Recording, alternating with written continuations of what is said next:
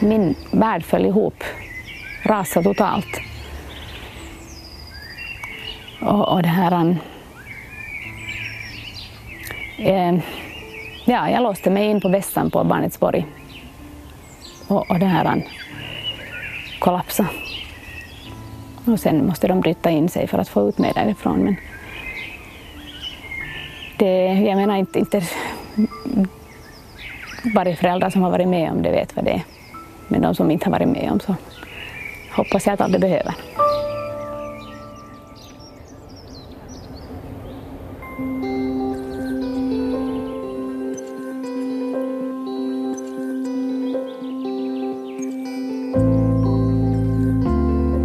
Du lyssnar på Svenska Yles podcast Varje dag är bättre än imorgon som handlar om Pia och hennes son Oliver som har sjukdomen AGU. En ärftlig fortskridande sjukdom som leder till allvarlig funktionsnedsättning. Det här är del ett av en tvådelad podcast och mitt namn är Jessica Stoltzman.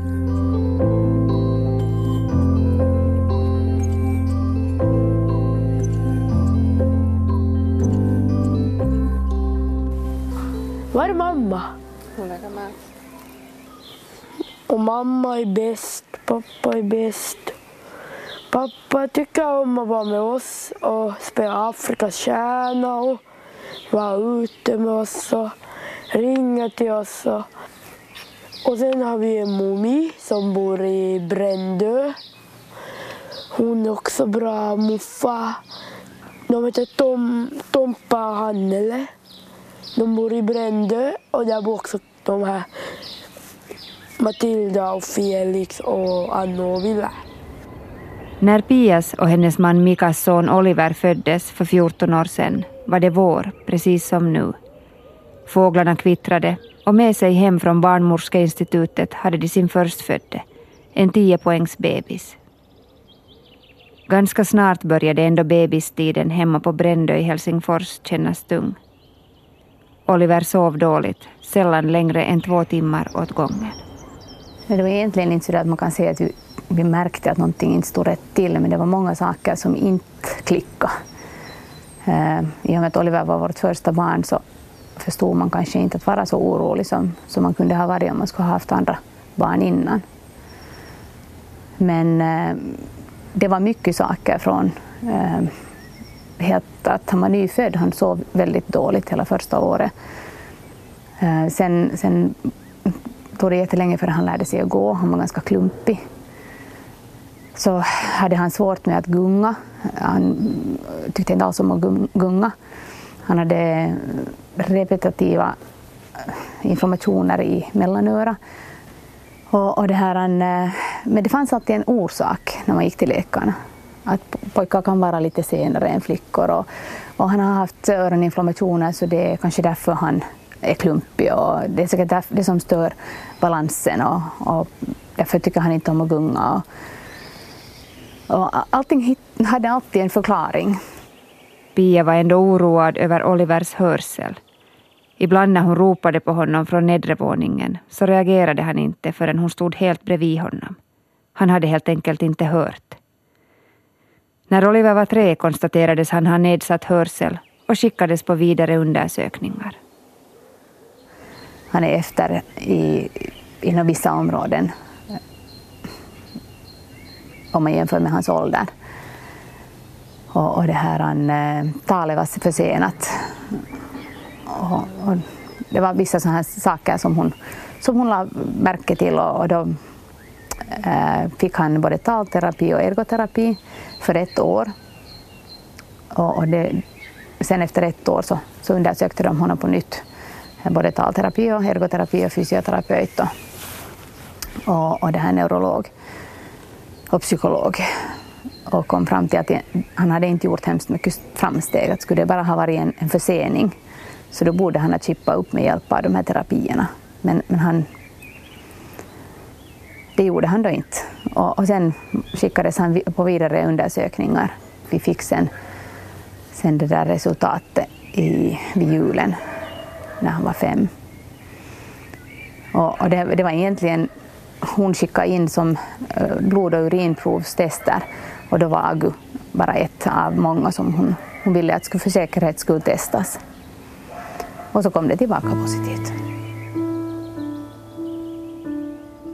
AGU, aspartylglukosaminuri, är en ovanlig ärftlig sjukdom som leder till svår funktionsnedsättning senare i livet.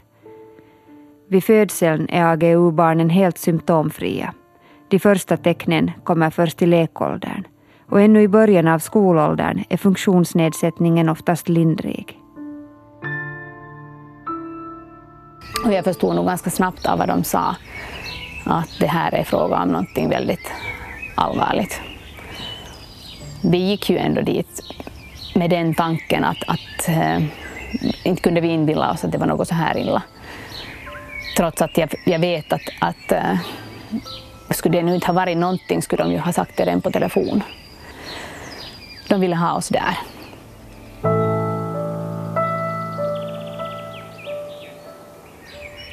Men vad, hur kan man reagera? Min värld föll ihop, rasade totalt.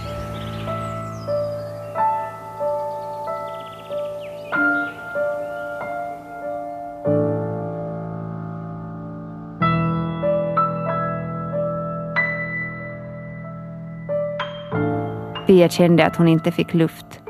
Hon låste in sig på sjukhusets toalett och satt där på huk på WC-locket. Hela hennes värld föll samman.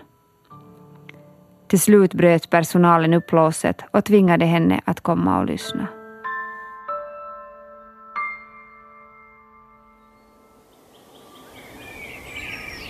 Då när vi fick diagnosen så sa de åt oss ungefär att, att han kommer aldrig att utvecklas till mer än en sexårings kognitiv nivå. Och att eh, efter tonåldern så börjar han, han förlora färdigheter och, och och han dör ungefär i 40-årsåldern. Djupt utvecklingsstörd på en nivå av en tvååring. Men det är nu, det är nu inte riktigt sanningen sen ändå att, att de äldsta agubarnen som har levt har levt i dryga 50, eh, nästan 60. Och, eh, och, och det här, de där färdigheterna börjar inte liksom, han börjar inte förlora färdigheter för efter 20 års ålder oftast. Ehm, de lär sig saker upp till, ja de lär sig egentligen nog hela livet, men att det är klart att sen faller vissa saker bort som man inte övar på. Ehm, men nu för tillfället som 14-åring så är han på en, en kognitiv nivå av en 6-7-åring. Men sen är han på en emotionell nivå av en 3 till 10-11-åring beroende lite på dagen och om han är väldigt trött så kan han reagera som en treåring men, men är han skarp och på gott humör så kan han reagera som en ja, nästan 14-åring. Och eh, kunskapsmässigt, balansmässigt, motoriskt så är han kanske där på en 10-årings, eh, 12-årings nivå, något sådant. Kunna spela med dig lite. Var är pappa? Vi ser om han skulle komma och spela med dig lite. Oliver går omkring rastlös i familjens hem på Lidingö i Stockholm, dit Pia och Mika och familjens tre barn flyttade för några år sedan på grund av pappa Mikas jobb. Oliver har svårt att hitta på sysselsättning. Han blir lätt irriterad och aggressiv. Eller ute, ja. Oli. Kyllä tuolla sählyt on etuperällä. Tätä vähän mitä tehdään. Se voi olla, että granuuli painaa kautta. Tätä varsin pitkästi pois. Pois on granulipaita. Tää? Jag har fått det av min mormor kände Erik Haula. Hon var och tittade på Erik Haulas matcher. Och sen gick det. Sen ledde han nästa matchen till mormor och sen blev jag glad. Och där bakom så är hans namnteckning? Ja. Han har skrivit Mikael Granlund och Erik Haula. Mm-hmm. Vad gör du pappa? Dokumentera. Är det mat snart? Min man som är väldigt positiv och, och vill alltid se livets positiva sidor, så det var hans första reaktion. Det första han sa var att, att vi ska ge åt Oliver det bästa livet han kan få så länge han ännu kan minnas det. Och det har vi försökt så gott som det går med, med ett familjeliv och, och vardagens rutiner. Men tanken har alltid varit att så länge han kan njuta av livet så ska han få alla möjligheter han kan få i livet. Men det var jättesvårt nog att eh, åsidosätta det faktum att han, han fick en så här grym diagnos och inte börja se honom som ett sjukt barn, som ett, ett specialbarn. Eh, jag vet att jag hade jättesvårt med till exempel hans gamla vänner, att kan han numera vara med dem, för att han kommer ju inte att kunna hänga ihop med dem mera länge och de kanske börjar reta honom och de kommer att lämna honom utanför och gå vidare. Skulle jag kunna nu göra någonting annorlunda jämfört med vad jag gjorde då, så skulle jag ha inte...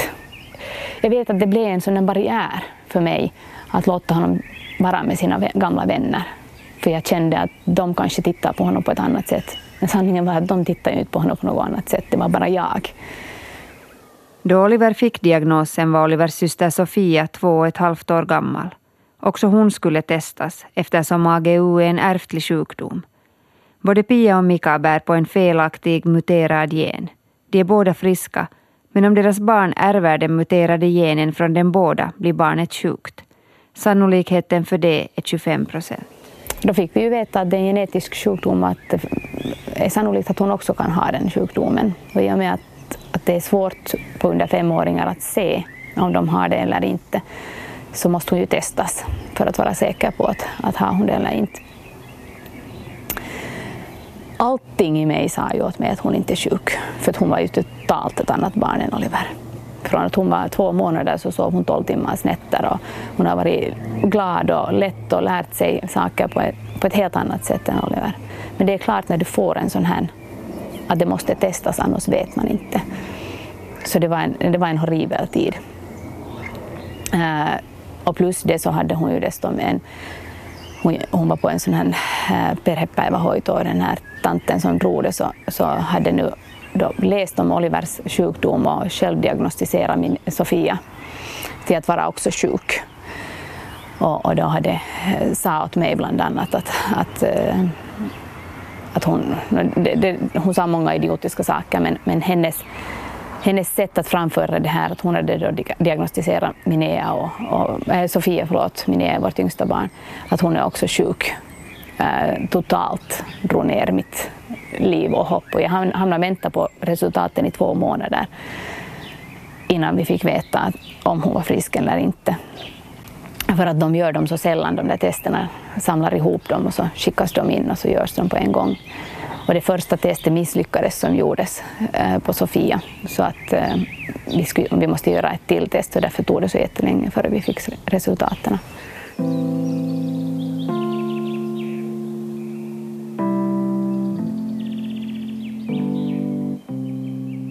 I Finland finns det fler diagnostiserade fall av AGU än på andra håll i världen. Det beror på det finländska sjukdomsarvet. Förutom AGU har forskare identifierat över 30 ärftliga sjukdomar som nästan enbart förekommer i Finland. Juha Kere, som är professor i genetik och verksam vid Karolinska institutet i Stockholm, berättar att det var på barnkliniken i Helsingfors på 70-talet som man började förstå att det i Finland finns flera ovanliga genetiska sjukdomar. Uh, man räknar med att det är lite över 30 sällsynta sjukdomar, oftast recessiva sjukdomar, som tillhör det här finska sjukdomsarvet. Och, och sista som räknas som, uh, som en finsk sjukdom så att säga, uh, hittar man 98. Så att det, det är liksom genom 70-talet, 80-talet och så vidare var det, var det många, många sjukdomar som man, som man förstod att, att det är, är nedärvda och mycket vanligare i Finland och då definierar man dem som det finska sjukdomsarvet. Och många av de här är ganska allvarliga? Många är jätteallvarliga. Många, många är sådana att de börjar redan i tidig barndom. Eh, det finns eh, ett antal sjukdomar som, som drabbar liksom hjärnan och och leder till, eh, till att man dör tidigt i barndomen. Det finns historiska orsaker till att så många finländare bär på ovanliga och svåra genetiska sjukdomar. Här har vi nu då framför oss en, en gammal karta över Finland. Ja, det är faktiskt på det sättet att när, när iset drog sig tillbaka från, äh, från Finland och Skandinavien så, så kom det först liksom, först kom det befolkning till den här äh, södra kusten och sen västkusten. Så, så här är det de här områden som, som ursprungligen blev äh, befolkning, med befolkning. Sen senare så flyttade, flyttade äh, folk till Savolax äh, som är ungefär här och sen vidare från Savolax äh, till, till Uleåborgstrakten och sen till Kainuu och så vidare. Och, eh, och det här speciellt då när Gustav Vasa äh, tyckte att det äh, förmånligt att också den delen av landet skulle äh, bosättas och, och då äh, sa han väl att, att man får skattefria år om man flyttar till dessa äh, trakter. Där levde de sedan isolerat. Och det har gjort att förekomsten av vissa sjukdomsgener är vanligare hos oss än på andra håll. Det var bara kanske hundratals människor som flyttade eh, till dessa delar av landet i början. Och sen, sen bosatte de liksom eh, uh, byar där och sen deras barn, barn, barns barn och så vidare gifte sig utan att ens förstå att de är faktiskt uh, släktingar men, men om man är liksom Eh, femte eller tionde kusin så räknas det inte som släkt mera, eller hur? Så, så då, då, kan, då kan det bli liksom eh, sådana recessiva sjukdomar liksom överraskande vanliga där. Varje år föds det i Finland upp till fyra barn som har sjukdomen AGU.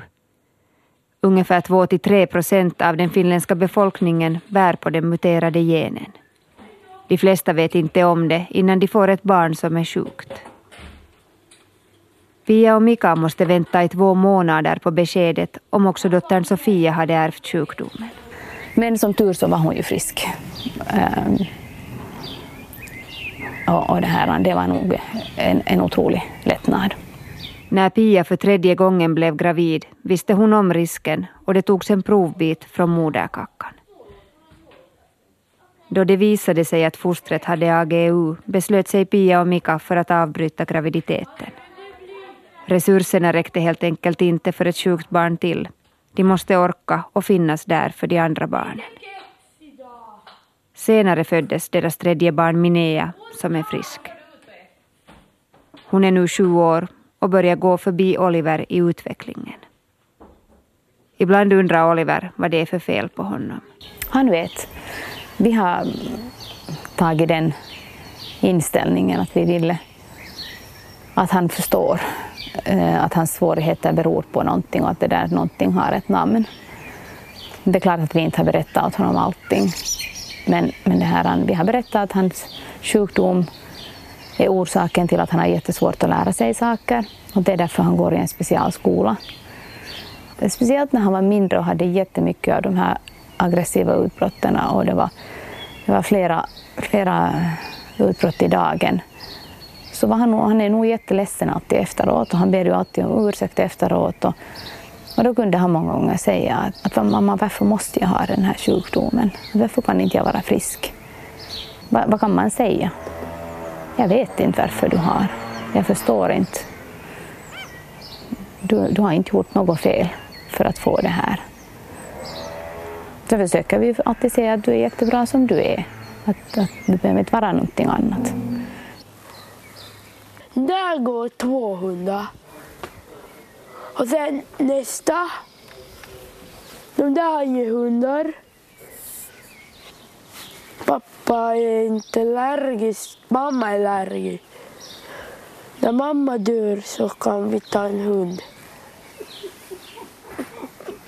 Till sjukdomen hör det att eh, så småningom börjar man tappa vissa färdigheter som man redan har lärt sig och att, att kunna göra vissa saker kräver att han ska måste repetera dem hela tiden.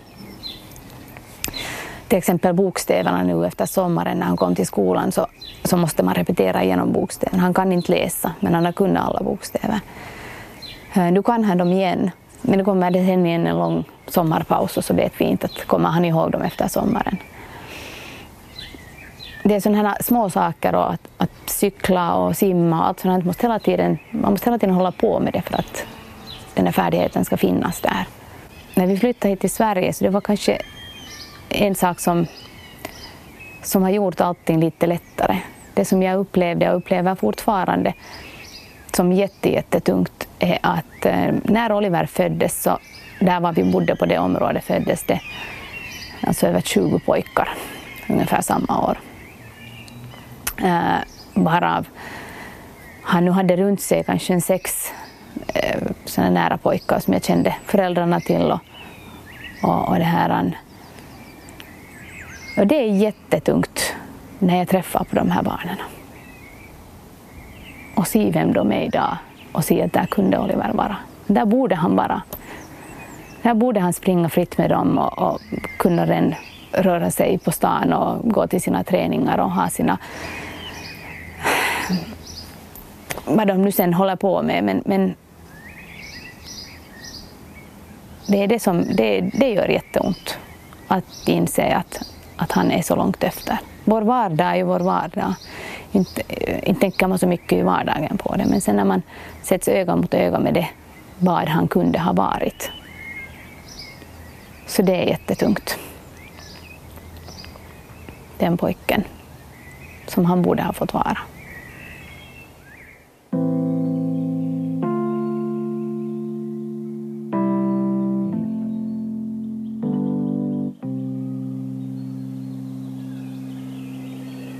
Jag gick länge på terapi efter att Oliver fick en diagnos. Och det för, för mig var det en av de största realisationerna som var väldigt viktig var att inse att det är mitt liv som har fallit i vitan. Det är mitt, mina drömmar, mina förhoppningar för Oliver som har fallit i tusen bitar. Men för honom har ingenting ändrats. Han har varit samma pojke hela tiden. Han har inte haft de drömmarna och de förhoppningarna. Han lever i, i nuet, i stunden. När Oliver fick diagnosen sa läkarna att det inte finns botemedel. Det har forskats mycket i de här ovanliga sjukdomarna i Finland, men efter att sjukdomsgenerna kartlades på 80-90-talet har det inte skett så mycket, säger Juha Kere, som är professor i genetik. Problemet med, eh, med det här eh, terapier är det att, eh, att de här är jättesällsynta sjukdomar. Och det är inte ekonomiskt intressant att börja utveckla liksom nya läkemedel. Det är bara helt enkelt det, det finns ingen... Eh, behovet är så litet att, att motivationen finns inte. Uh, och, uh, och det här... Men alltid nu och då så kan det hända att, uh, att man faktiskt ofta av slump så, så förstår att, att den här sjukdomen kan, kan man kanske bota. Och så har det hänt med Agu nu som är jätte, jätteintressant.